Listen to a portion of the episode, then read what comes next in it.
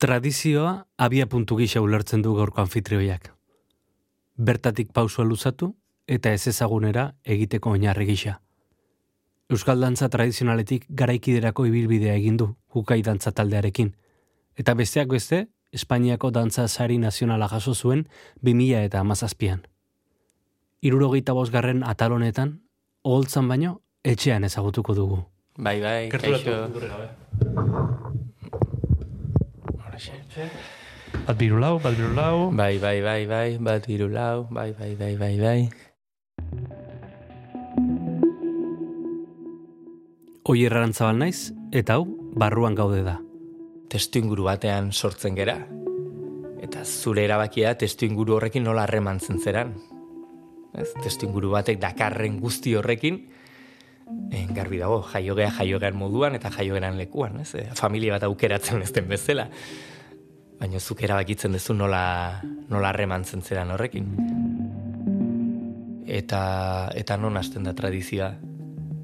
Ez? Zenbat eta entzun dugu, eske beti hola izan da. Ja, eske beti hori zer da? Zenbat denbora da? Zure beti, baldira hogeita mar urte, eta bestearen beti baldi egun da berrogeita mar, ez? Non dago.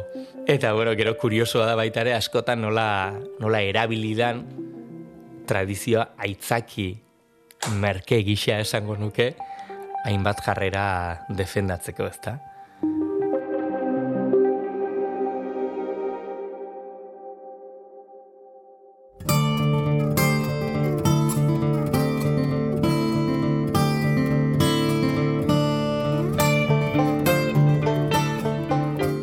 Gaur barruan gauden, Jon Maia.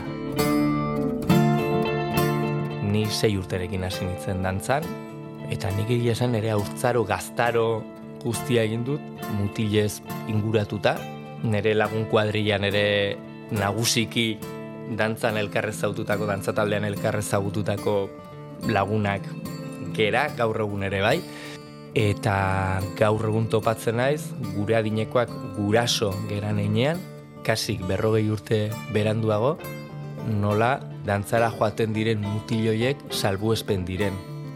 Eta gainea, kasu askotan jazarpena ere oraindik jasotzen duten, ez? Zerbait ge- geizki egiten arituko gera, ezta? Pentsatzen dut.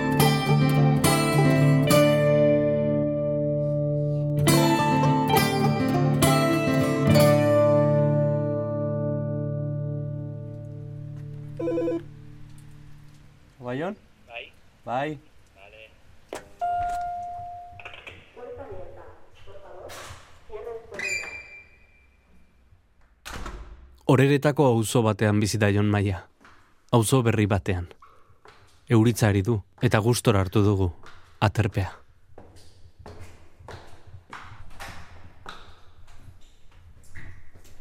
Baion. Kaixo, egunon. Zumuz, Ondo, ondo. Bai, bai. Ez da zaila izan, eh? Ez dakit, baino... Bai. Lenor frentian bizi ginen, justu. Ah, vale. Eta honea aldatu ginean, Vale. Jo, ba, ba, gertatu izan zan, baina Ja. justo orain igual sartu gabe horrela jende Bueno, orain- kutentzat auzoaren beste aldera, Ja, ja. hortxe da hola, Ja. baina kotxez ezin pasa eta ezin da aparkatu. Hori. Google Mapsik kaso egin ez? Bai. Vale. Bai, bai, bai. Bueno, ondo, ondo iritsi naiz. Vale, vale. Gi? Bai, ondo. Bai, bai. Euri, euritzak, ja, baina... Baina, bueno, eskertzen da. Bai. Jarki, jo, eh? Jarriko gara? Bintxo, eh? Bai, bai, primero. Maia, maia, polita da.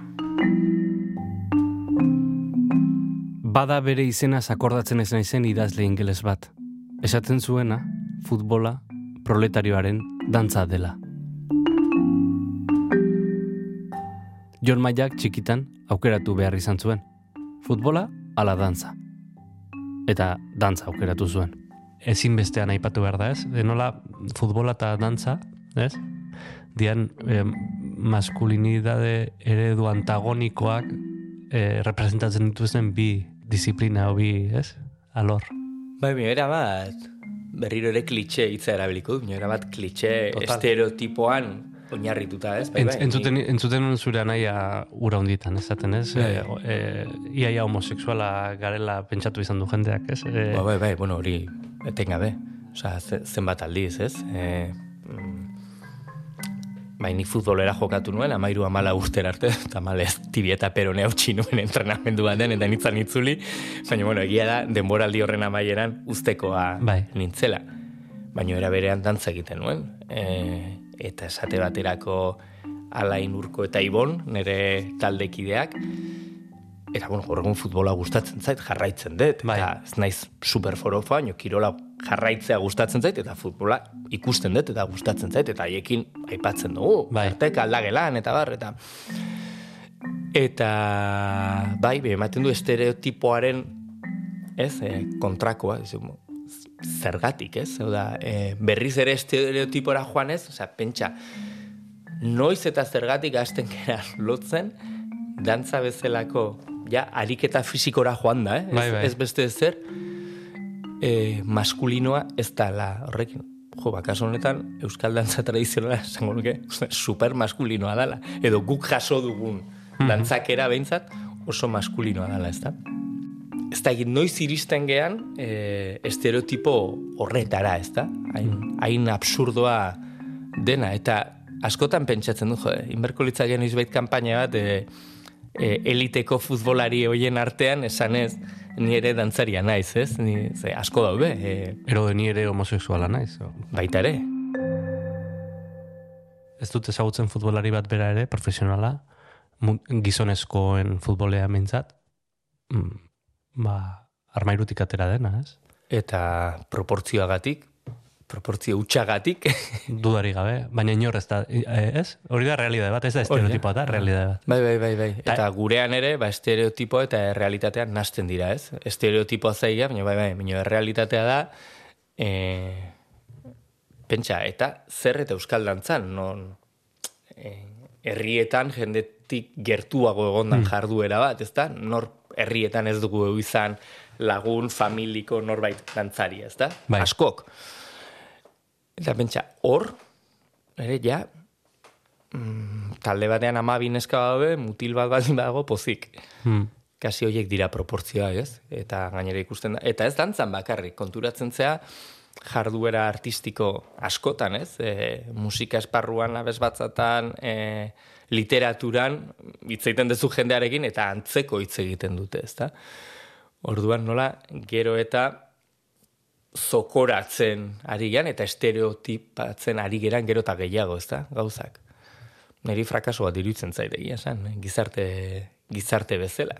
Eta, bueno, ba, honek segurazki eziketarekin zer ikusia dauka, etxeetan noski, eziketak etxean hasten direlako, eta ikastetxeetan, eta bar, eta bar. Dantzarena da, segurazki, kirolaren antza gehien daukan, kultur disiplina. Forma fisikoa eskatzen duelako, forman egon behar delako. Neurri batian bai, hau da, e, nuke horretara mugatuko, ze bestela kirola edo gimnasia izango litzateke ez da, eta nik uste arte jarduera bat edo arte, arte lenguai bat danean, ba, badagola beste, beste zerbait, eta zerbait horre gaina portzentai haundi hartzen duela, ez da? Baina, bueno, baita ere gorputzarekin lan egiten duzunez, ba, badago komponente fisiko bat, edo izan dezake, ze segun eta ze dantzakera daukazun, gure kasuan badauka, azkenean ba, ba gure dantzakera badator komponente fisiko horretatik, ez? Eta orduan, bueno, ba, bueno, ba urteak aurrera doazela batetik, eta bat eta beste, bueno, ba, saiatzen zera elkar bizitzen komponente fisiko hori ere, ba, bueno, bueno, hori, elkar bizitzen arekin. No, no, nola zaintzen da dantzaria eh, forma hori mantentzeko? Pa, ez dakit, pentsatzen dut gutako bakoitza mundu bat gehala. Geure artean eta aldekidekin bertan ere ikusten dut, ezta? E, bakoitza mundu, mundu bat gehala.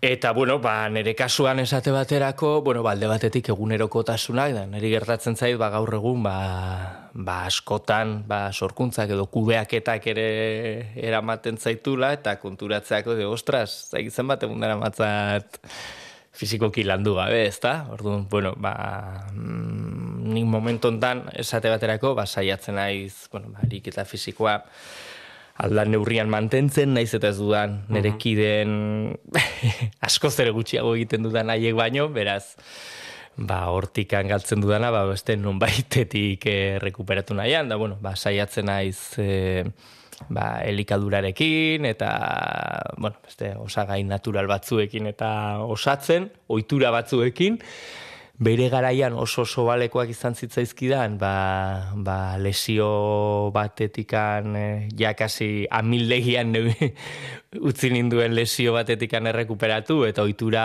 on batzuk hartzea, ba, bueno, ba, saiatzen naiz horri jarraipena ematen eta lagun batek esaten du dantzariak adina aurrera joan ala koreografo bihurtzen direla. bai, ez dakit, e, bai, e, oso naturala izaten da, alde batetik, e, nik uste dantzaria beti dela dantzari, eh? Eta zorionez, e, azken urtetan, ikusten ari gean, kirolarien kasuan ere gertatzen da, oain dela gutxi ikusten nuen e, reportajan nola aurrelarien bizitzatzen bat ari dan luzatzen, ez da? Bai. Ba, nik uste dantzarien kasuan ere garai batean ematen zuen, puf, hogeita urtetik aurrera, ez ja, legaldera zan eta noiz arte ingo duzulan. Eta, bueno, gaur egun ikusten dira adibide pila bat, ze dantza egiteko modu asko daude. Ez duzu zertan hmm. eliteko atleta bat izan beharrik bakarrik. Dantza molde asko daude eta burura etortzen zaizkidain bat adibide. Eta, bueno, ba, ba hoxe, nik orain berrogeita bosturte ditut, eta dantzari sentitzen naiz, baina uste dantzari sentituko naizela beti. Hmm. Naiz eta holtza batean, edo antzoki batean aritu, edo ez, uste dantzaria, dantzaria gala, ala sentitzen bazera, noski.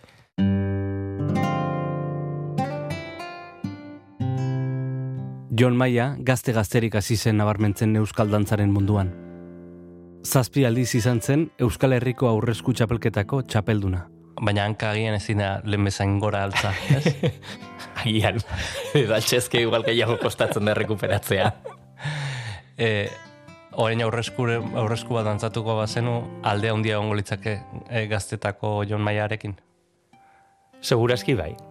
Seguraski bai. Ez dakit, ez dakit horretan konkretuki ez, oso gauza konkretua dalako, baino bestelakoetan bai. Seguraski, hmm. Ba, hogei urteko Jonek e, oinarrituko zuen e, teknikan eta eta fisikoan, ez? E, hmm. da bere dantzakera, eta orain nahian bestelako kontu batzuetan oinarrituko nuke, ezta? Eta, bueno, ba, ezaguarri fisiko batzuk galtzen diren enean, ba, esperientzia eta bestelako jakituria batzuk ere irabazten dira, eta uste hori onerako ere badala. Ez nitzak aldatu, eh, momentu honetan, ez berdin. Eta momentu bakoitza bizitu behar da bere ezaugarriekin, bueno, dantzan zein bizitzan, eta nitzak aldatuko momentu honetan. Mm Nola dara mazu flamenkoa? Horrekin ere elkar bizitzen, ostras, esperintzia izan da, eh? izan da master bat. Bueno, dantzari bezala ez naiz moldatzen, por supuesto hori lehenengo eta behin. Baina, bueno, pentsatzen eta galdetzen duzula, ba, guain gutxi e, sorkuntza baten parte izan naizelako, jarin izenekoa, non e, ni eta Andres Marin, dantzari flamenkoak, bat egiten dugun, bien arteko elkarrizketa bat da, topaketa bat da. Hori, hitz hori topaketa hitza saiatu gera nabarmentzen. Ze mm. topatzen gera, bino bakoitza beretik. Hau da, nik ez dut flamenkoa egiten, eta Andresek ez du euskal dantzarik egiten. Baina du gabe hurbilketa bat dago, hau da, e, bestearekin elkarrizketan aritzeko ulertu behar duzu bestea, ez da? Mhm. Eta, guau, ariketa bat izan da, eh? ze, ze oitura diferente ditugun, ze diferente ekiten diogun, eta batez ez ze historia diferentea daukagun, ez? Eta horrek ekartzen du bakoitzan nola kolokatzen da, ez? Bere lanaren aurrean, baino master bat izan da, eh? edo bi edo hiru.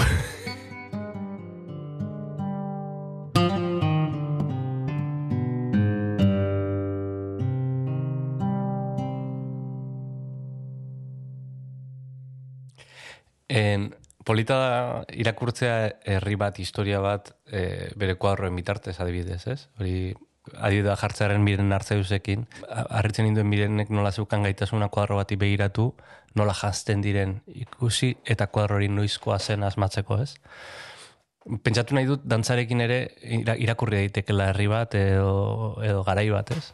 Bai, edo, edo pulso bat, ez? E, arnasteko modu bat, ez? Bizitzeko modu bat. Bai, bai, bai, nik uste Nik uste baiet. E, azkenean oso herri baten adierazpide oso natural bat da, ez? Izan da, gure, gure historian zehar. Eta horrek, ez dakit, kronika bat eraikitzeko argumentu bat ere ematen dizu. E, e, dantzakerak, testu inguruak, ez? Mhm. Horrek dakarren musika, jazkera, batzeko modua, ez? Espazioa, oza, dantzez da ekintza islatu bat, ne, nola bait non baiten eta zer, zer gaiti askorekin batera gertatzen da, horren ikuste horrek balio duela nola baite kronista lan horretan, bada, mm. bada faktore bat ere oso baliagarria. Nola irakurtzen ezu euskal dantza? Ba, lehenengo eta behin esan nahiko nuke, niretzako bueno, betiko, eh? zer da euskal kultura, zer da euskal dantza, bueno, mhm. horretan sartu gabe ere, ez da? Ez da da, gure ez da da interesgarriak. Bai, bai, Twitterreko ez da eh, kasu honetan hartuko nuke zer da euskal dantza tradizionala, nire bai. ez, hortik osatuko nuke itzorrekin. Mhm. Lehenengo eta behin esan nahiko nuke niretzako ez dela iraganeko kontu bat. Iraganeko kontua bakarrik bihurtzen zaigunean, eta noiz behinka bisitatzen dugun kontu bat, ustez gureak egin dula. Orduan niretzako mm, gaur egun gurekin elkar bizitzen den adierazpen bada. Mhm. Horrek esan nahi duenarekin, ez da? Batzuetan eh, badauka balio bat mm, harreman sozialetarako, ez? E, badauka bere funtzio soziala, dantzak daukana, eh? euskal dantzak, edo, edozein, edozein dantzak daukana e, edozein parranda, edozein tabernatan dago dantza presente. Eta euskal mm. dantzak ere badauka hori, ez? Bere balio sozial hori badauka eta hori bada alde batetik.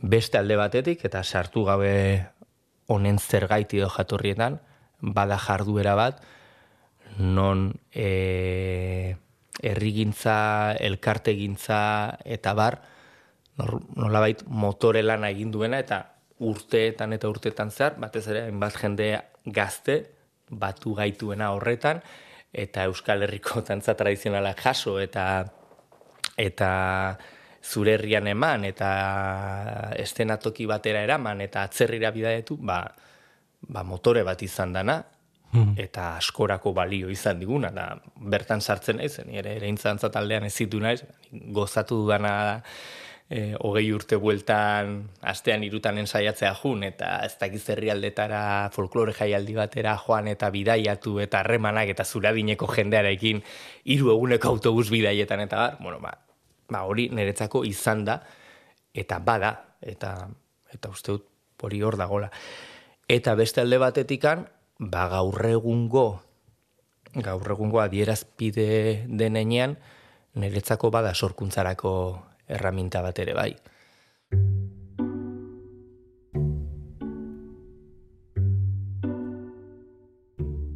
Mm, gogoratzen ari zorain dela hogei urte bueltan, ez? E, jo, askotan igual e, gogoratzen dut Victoria Eugenia antzokien esateaterako, ez? Malandain balet biarritz e, mhm.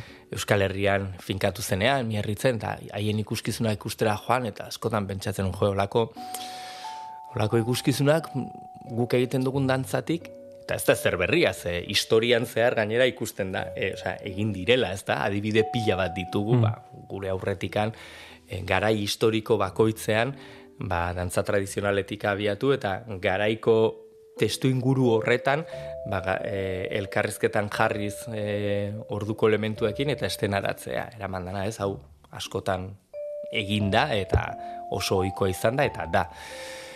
Eta orduan ustut ere badala mm, sorkuntza garaikiderako erraminta bat. Erraminta agian oso, oso ez da hitzegokiena, baino bueno, ba, gurekin elkar bizidan einan, elkarrizketatzen dana e, gure inguruan ditugun beste faktore guzti guzti hoiekin, ez? Eta, bueno, ba, gia da azkenean bide horretan sartu gehala, azken e, urte hauetan, Eta bueno, ba, seguraski jende aurrerako hori da gure, baino besteak ere sinisten ditut berdin berdin eta bizi takoan naiz eta bizitzen ditut eta eta sinisten ditut. gure taldean maixutzat daukagu Cés Gelabert koreografo kataluniarra ez da, eta ark beti esaten du, lanza tradizionales eh, la madre de todas las danzas. Zer daukate aman komunean dantza tradizionalek, munduko dantza tradizionalek? Bueno, ba, nik uste sustraietan, ez, eta geota sakonagoa izan, e, gero eta gauza komunagoak e, arditzak ezula, ez, e, espirituan bertan ere bai, ez da, azkenean, e, mendez mende urte urte hainbeste urteetan zehar elikatu den zerbait eta hainbeste jenden artean transmititu da hainbeste jendek berea eman dion zerbaitek, jo, uste balore pila bat hmm. gordetzen ditula, ezta? Eta orduan askotan baloratzen ditugunean, igual azalekotik begiratzen dugu, ah, eske hemen salto gehiago egiten dute eta bestean ez dakiz zer. Bueno, beste gauza da, urten ondorioz eta transmisio horretan zertan joan geran geratzen, edo ze klitxerekin irudikatzen dugun bat edo beste, ez? Baina esaera horrek uste asko esaten digula, ez? E, pues hori, ba, ba, tantza guztien ama izan daitezkela, ba, berez, ba, hori, ba, mendez mende edo urte zurte inbeste jende artean transmititu izan dalako. Dantza tradizionalak identitateren simbolo dira, eta asko erabili izan dira eraikuntza nazionaletan. Tira, eta baita boxen mitinetan ere. Bai, eta gaur egun ere diasporako euskaldunei datuak daude. Galdetzen zaienean euren identidadea zerekin lotzen duten, normalki dantza eta pilota izaten dira. Hmm. Eta ez euskera, eh, pentsa. Eta hau historian zarrasko gertatu da, da, boxeko hori ikusita, hombre, irribarre bat ateatzen zaizu, amorru bat ateatzen zaizu, hori gertatu egiten da, konversazio askotarako ematen du, baina hau oso ohikoa izan da gure historian mm. mm eta eta gainera zer nolako ondorio utzi dizkigun ere bai hau da e, sekzion femenina bezalako arlotan dantzari taldeak osatu eta hori estandarizatu eta bueno, azkenean horren hor holtza hortan ikusten dana aurretik ere ikusitakoak gera ez da eta horren gainea poso bat utzi du ondorenetan, eh? eta, eta, eta esango nuke, ja, ja da oituta gauden molde asko ere, eta oso gure egiten ditugun molde askorengan eragin zuzena euki, hmm. euki duela, eta bai, zalantzai gabe, ba, pues bai, identitate egiten duena, eta geho beste gauza da, ze sekuestro egin dezakizun horrena, eta ze... Ego zer erabilera. Eh? Ze erabilera ematen dizun gero horri ez da. Bueno, hori adibide bat da, oso karikaturizatuta jaso dugun adibide bat. Zuk nola ikusi zenuen emanaldi hori zekaro nik, nik ez dakate ez dudokasun begia dantzetarako. Eh? Ba, hori, entzan identifikatuta sentitu inundik inora ere ez, garbi dago euren helburua zeintzan eta nola egintzan eta zer erabilera, baina bueno, ez du zer ikusirik ere inundik inora hmm. e, Euskal Herriko dantza espresio batekin ez, ez e, ez urratxetan, ez dantzakeratan, ez, ez ezertan, e, bueno, ba, klitxe pare batetan, ez, jazkera txapela bat zapi bat, eta bi, bi gauzatxo gehiago jaso hor jarri, eta, bueno, mm. segurazki uren helburua lortu zuten.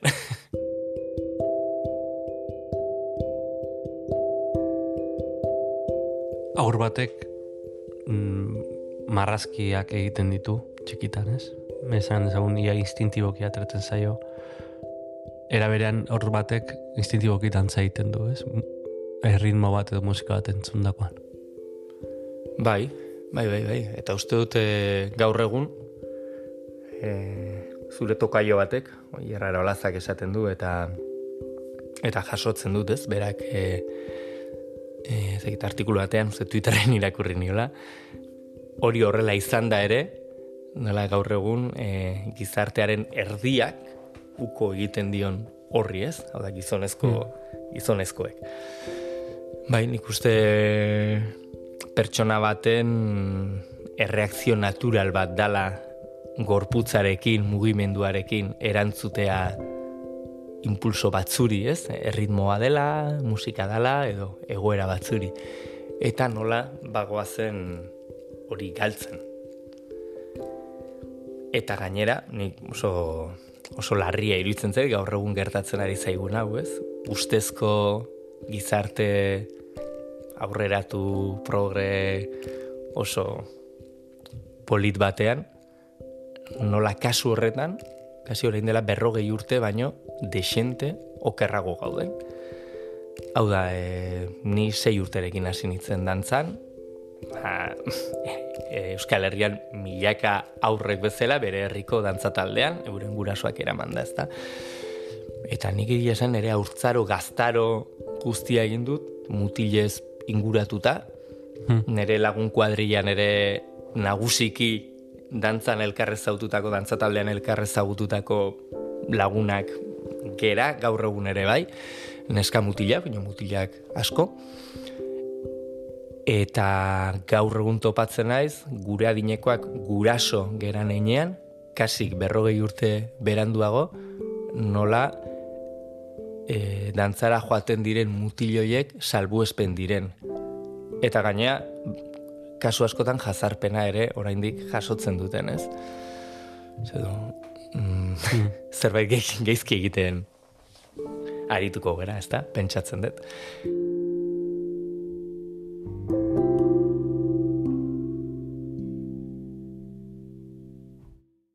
Nor da zu dantzarizatean erruduna?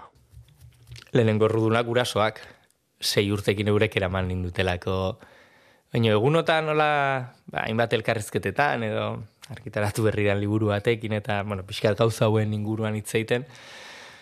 Kuriosoa da, baina mm, gure adineko ba, gehienak segurazki antzera joango ginen dantza egitera, ez da? Bo, sei, zazpi urterekin eta gurasoek eraman da.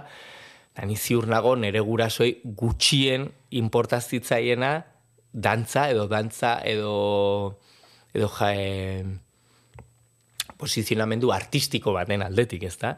Azkenian zan jarrera sozial, politiko, mm ez? Semeak norantza bideratu nahi, ez? Eta pixkat militantziatik, militantzia sozial eta kulturaletik, mm. ba, ez? Transizio garai bete-betean, laro garren amarkadan, e, asieran, lehenengo erdikaldean, orduan, ba, nik giro hortan sartzen naiz dantzara. Mhm. Batzutan pentsatzen dugu, ba, segurazki, dantza ba, men errenterin indartxu egon izan dalako beti, baina pf, dantzaz balitz igual bukatuko nuen txistuan, eta utziko nuen, ez? Ah, nirea, baina, ah. bueno, ba, egokituzta hitzaidan hortara. Ba, hori izan zen, lehenengo, lehenengo errudunak, esango nuke gurasoak. Eta bigarren errudunak, esango nuke, testu ingurua bera, ez? Ez diot inoiz nire buruari galdetu zergatik egiten nuen dantza. Egia da, aurkitu nitzala egoera baten non oso gustora sentitu hmm. izan nintzen beti, ez da? E, lagunez inguratuta, mm, astean zeharreko ensaio hietaz gain mm, irterak egiten genitula, ez da egitzer, beti joan izan naiz, pixkat oso giroak eraman da, baino gustora. Orduan, mm kasi urrats bakoitza, momentu bakoitzan emandako urrats bakoitza, izan da naturaltasun horren barruan. Eta pentsa, en, gure belaunaldiak, kriston aldak eta bizi izan genuen, hau da, ni dantzan hasi nintzen, ba, gaur bezalako egun euritxu batean, ni klasera joango nintzen katiuskekin. Eta orduan, kalez jantzita, katiuskekin, asko jota katiuska kendu eta ez beti, mm baloiari ostiko batzuk eman, jarri dantzara pinban bun egin eta etxera.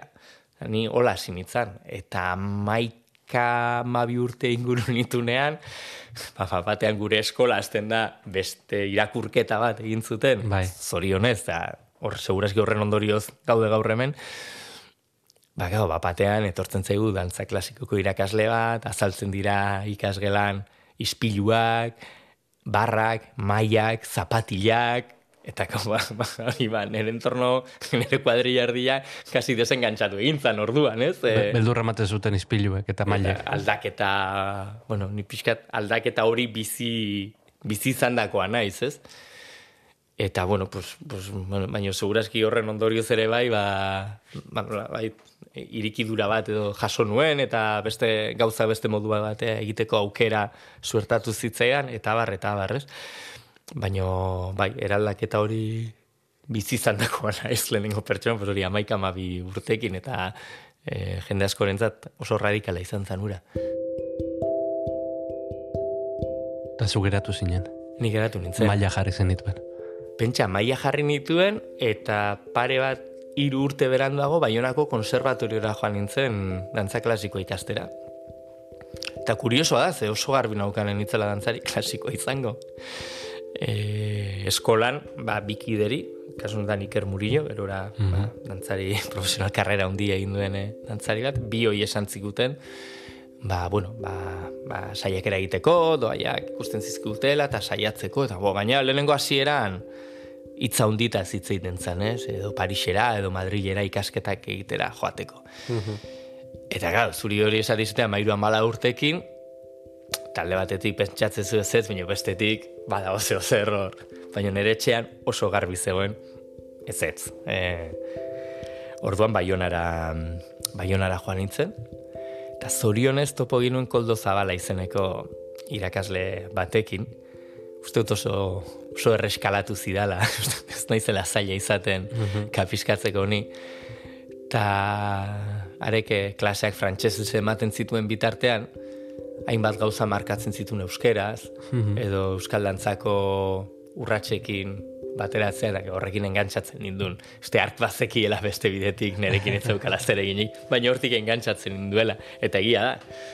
Eta egia da, engantzatu nindun. Orduan, joaten nintzen dantza klasikoa egitera, baina ez da zergatik konstienten nintzen ongi zegola, ura egitea, eta balekoa izango zala zerbait dago, baina nik enuen amesten dantzari klasikoa izatearekin. Gogoratzen dut nola Baionako konservatorian adibidez azterketak pasatzen zizkiguten.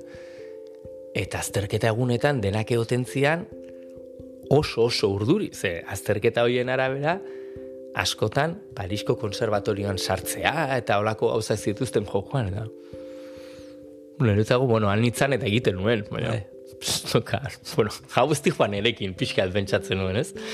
Ha, bueno, olain nitun pare bat urte, Baionan, gero Donostin, eta, bueno, gero gila da, baia era bat euskal dantzatara, eta, bueno, justu garai horretan ere pixkat e, lehi, txapelketen garai hasi zan, eta, bueno, pixkat horrekin, eta, bueno, horrekin ere igual topatu nuen beste, beste e, dantzan sakondu, baina beste bide batetik jotzeko, jotzeko aukera.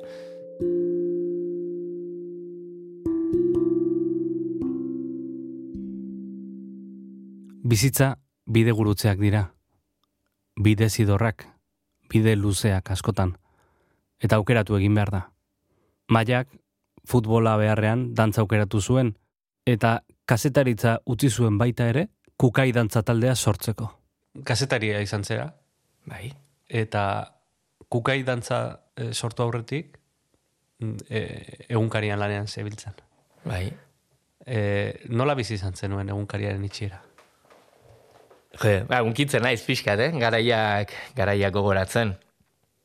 Jo, ba oso, bueno, ba, denak bezala, ez? E, gogorra. Gainera, bueno, hau gutxitan kontatu izan dut, baina, bueno, Martxelorekin konpartitu nuen eh, Juan Mari Torre aldairen e, elizkizun egunean, eta, bueno, ja egin nuenez, ba, ba hemen ere aipatuko dut.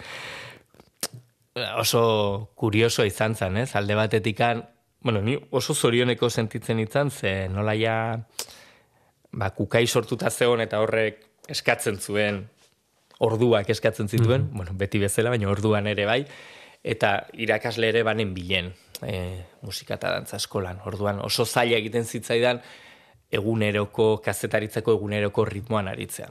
Orduan ask, aritzen itzan, gehienetan lanaldi erdiz, tarteka urte sasoi batean osoz, baino beti gehigarrietan, garai horretan. Daron, bueno, lujo bat zan, ez? E, norbaiten etxera jun eta elkarrezketak egin, eta ez prentxaurreko batera jun. Hori da. Adibidez, bari oso polita zan, eretzat. Baina egia da, ba, bueno, dantzaren bola haunditzen zijoan.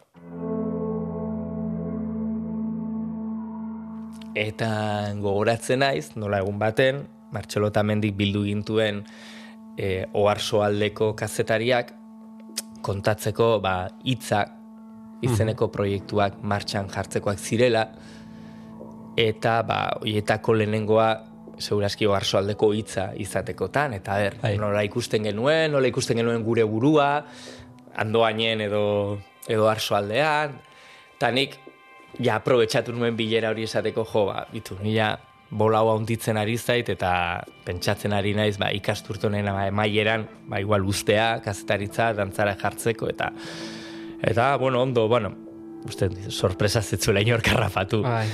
Baina, ah, ba, itzengo dugu. Eka, ba, itzengo dugu egun horretan, oera sartu, eta zei, goizuko seitan edo lagun batek, gaur egun ere lagun handia dan, e, e, eta berriako kazetaria dan lagun batek, kirol kazetaria, ba, deitu nindun esateko etxera, gurasoenean bizinitzen orduan, e, itxi zutela. Gritos en defensa de Guncaria y contra la intervención de la Guardia Civil. Varias decenas de manifestantes protestaban como están viendo delante de la sede de... Uste dut gutxidan euki dudala sensazioa andoainea iritsi eta momentu hortan sentitutakoak e, gutxitan sentitu ditu dala, ez? E, impotentzia hori, amorru hori, baina amorru hori ateratzen dizula zure barru-barruko Okarna.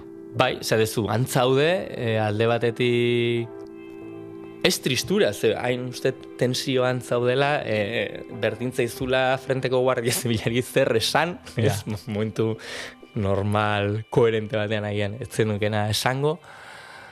Eta baino niretzako gogor gogorrena izan zen, e, atxilotuta zeuden haiek ateratzen zianean, ez, e, bueno, balankideak Martin Ugalde parkean egoten ginen, ez dut inoiz aztuko, esate baterako, Martxelo Bera eta Luis Goi eta atera zirenean, ba, beste lankide batek, Anes Arasketa eta biok, ba, ongi etorri moduan, agurra dantzatzen genien. Eta fua, agurra horatzait inoiz aztuko, ilunpetan, euripean, e, hmm. e, erabat, etxo polbo zeuden pertsonaten, trapo bat eginda ateratzen zian e, pare bat pertsona.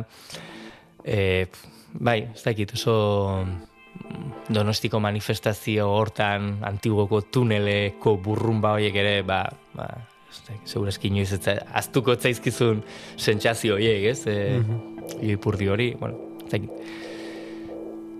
Eta, bueno, eta eraberean, hoxe ez, e, zezu, joe, mm, bueno, gero geratu nintzen, itxirako prozesuan, berria etorri zenean kurso bat egin nuen, bai taia kurso bat egin ondoren orduan ja bai, gauza, gauzatu nuen. Promesa bete zen nuen. Promesa bete nuen, bai, urte eta pik, urte terdi beranduago, baina promesa bete nuen.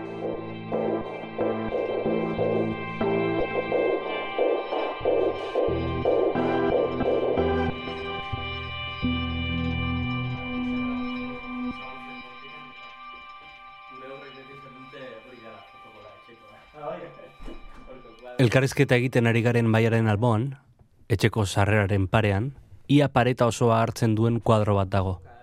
Eta bertan, oinatzak ikus daitezke. Bai. Dantzari baten oinatzak. Margo dantza, deitu zien. Ah, hau idea. Eta erdun da... Bai, eta erdun Oskarrek... E... Bueno, hori jartzen zituen... E... Ara gutzia zuen, ze dantza da hau?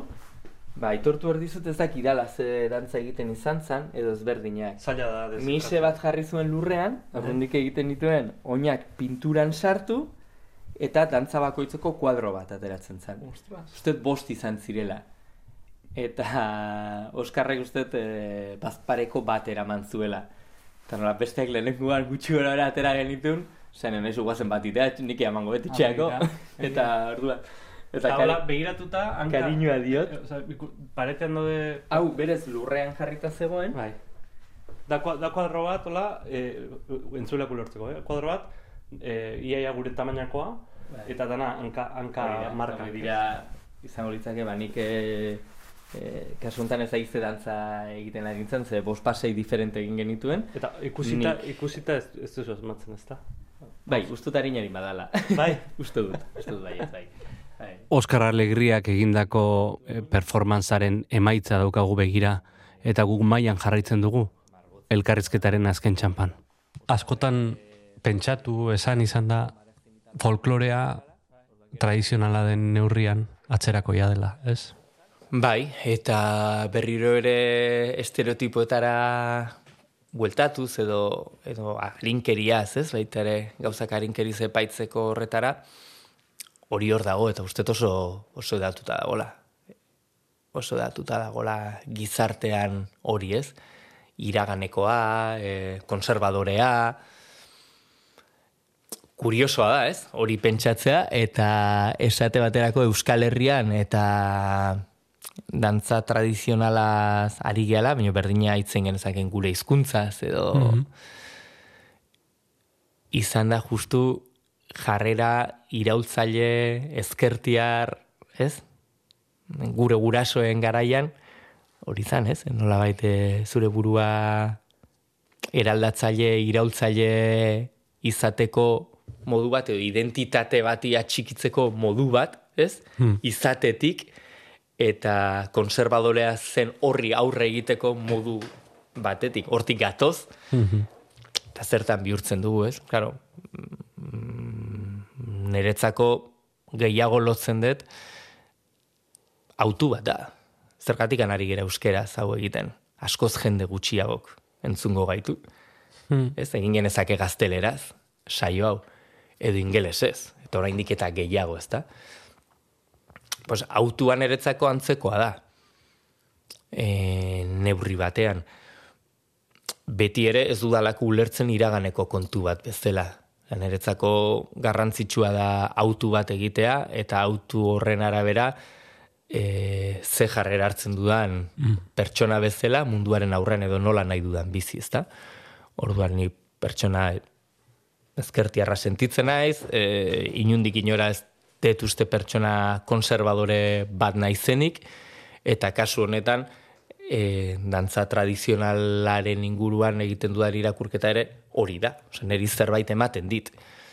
Eta ulertzen dut nondik, datorren galdera, baino iruditzen zait, e, ba hori, baita ere estereotipotik egindako begirada batetik datorrela sentimendu hori, eta seguraski gure abiadura, gure inguruan ditun faktoreak eta horretara eramaten gaituztela. Baina gero kuriosoa da, nola gaur egun arte garaiki idean esate baterako, e, erabat joera badan artistek euren nolabait sorkuntza prozesuetan euren jatorrietara, iturrietara, identitatetara joaten ari diren nolabait e, singulartasun horren bila. Hmm.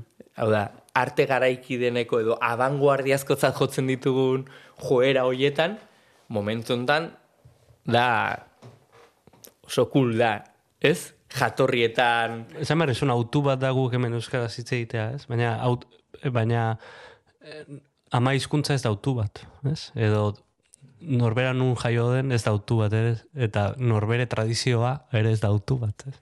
Hori etortzen da, eta gero norberak erabaki dezake, e, edo, egin batean, ez? E, ezagutu ala ez ezagutu nondik zatu da, zen diren zure erroak aipatu dituzun horiek, ez? Dudi gabe, eta testu inguru batean sortzen gera.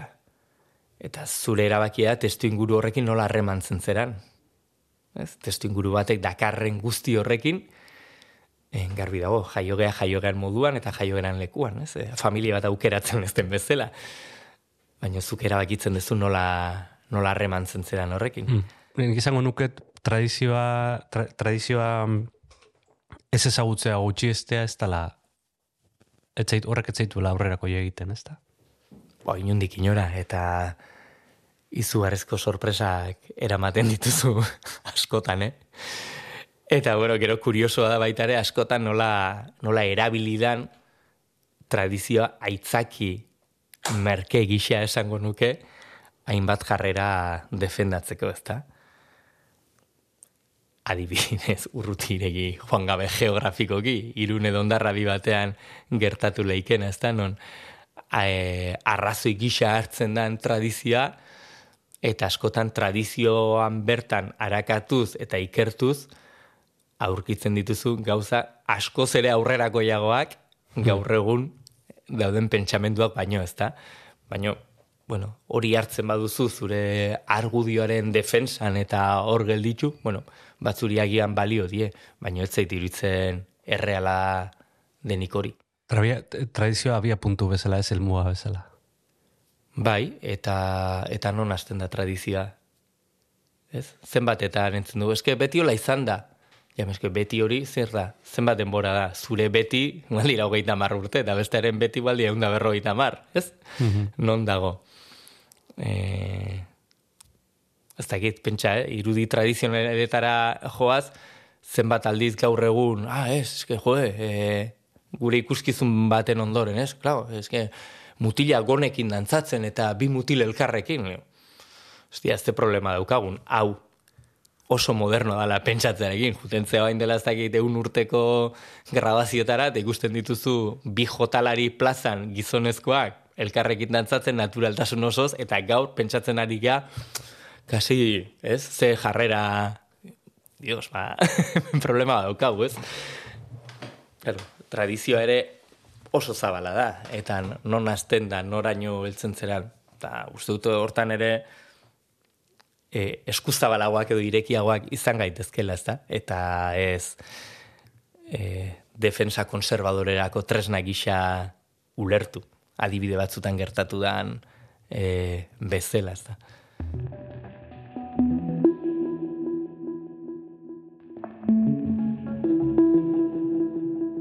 Askotan gertatzen da, norbere lana bihurtzen denean zerbait.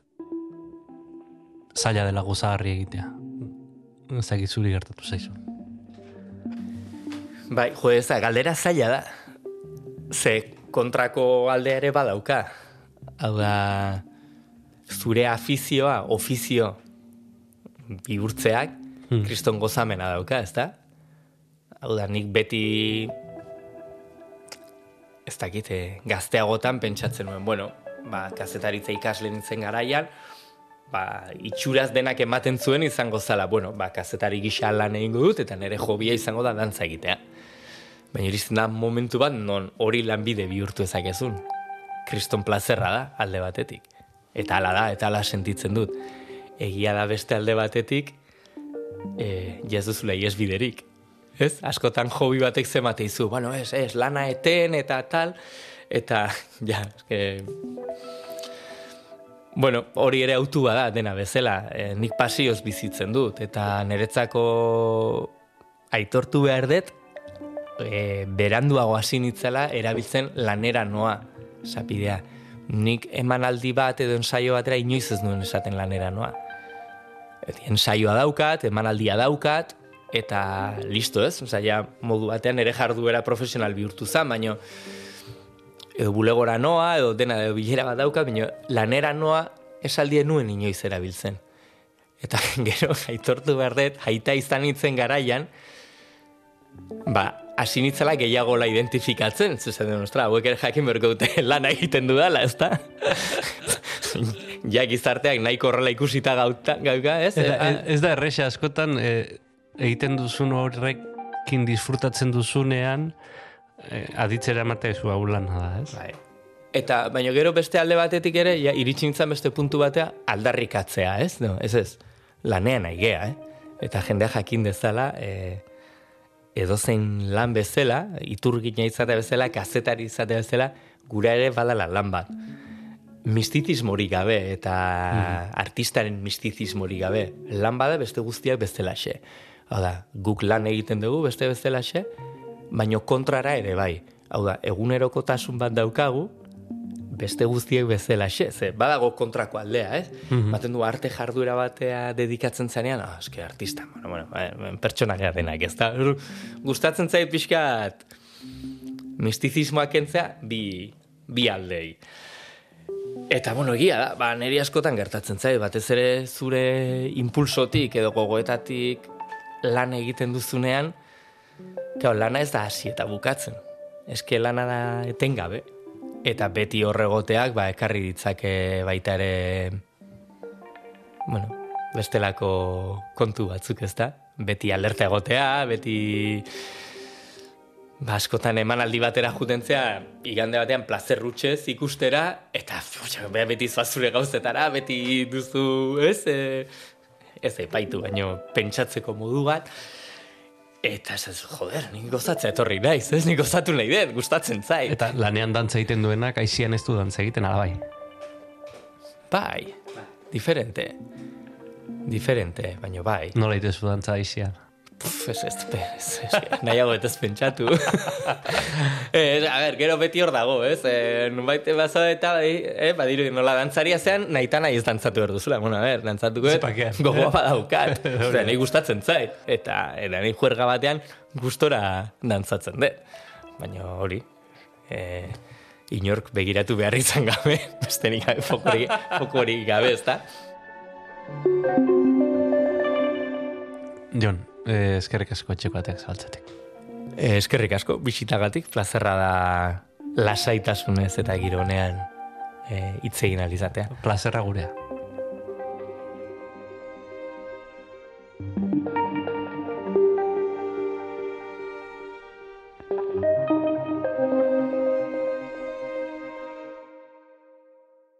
Hauxe izan da irurogeita bosgarren barruan gaude. Gogoratu, beste irurogeita lau etxe dituzula bisitatzeko EITB podcasten edo audioak entzuteko darabiltzun dena delako plataforman. Beti bezala gogoratuko dizugu Twitterren eta Instagramen aurkitu gaitzakezula abildua barruan gauden. Eta gure lagun eta lankide Jon Martijak podcast honen bikia egiten duela gaztelaniaz. Estamos dentro. Besterik ez, urrengo txera arte. Ei, txt, entzun hori. Ulu Media.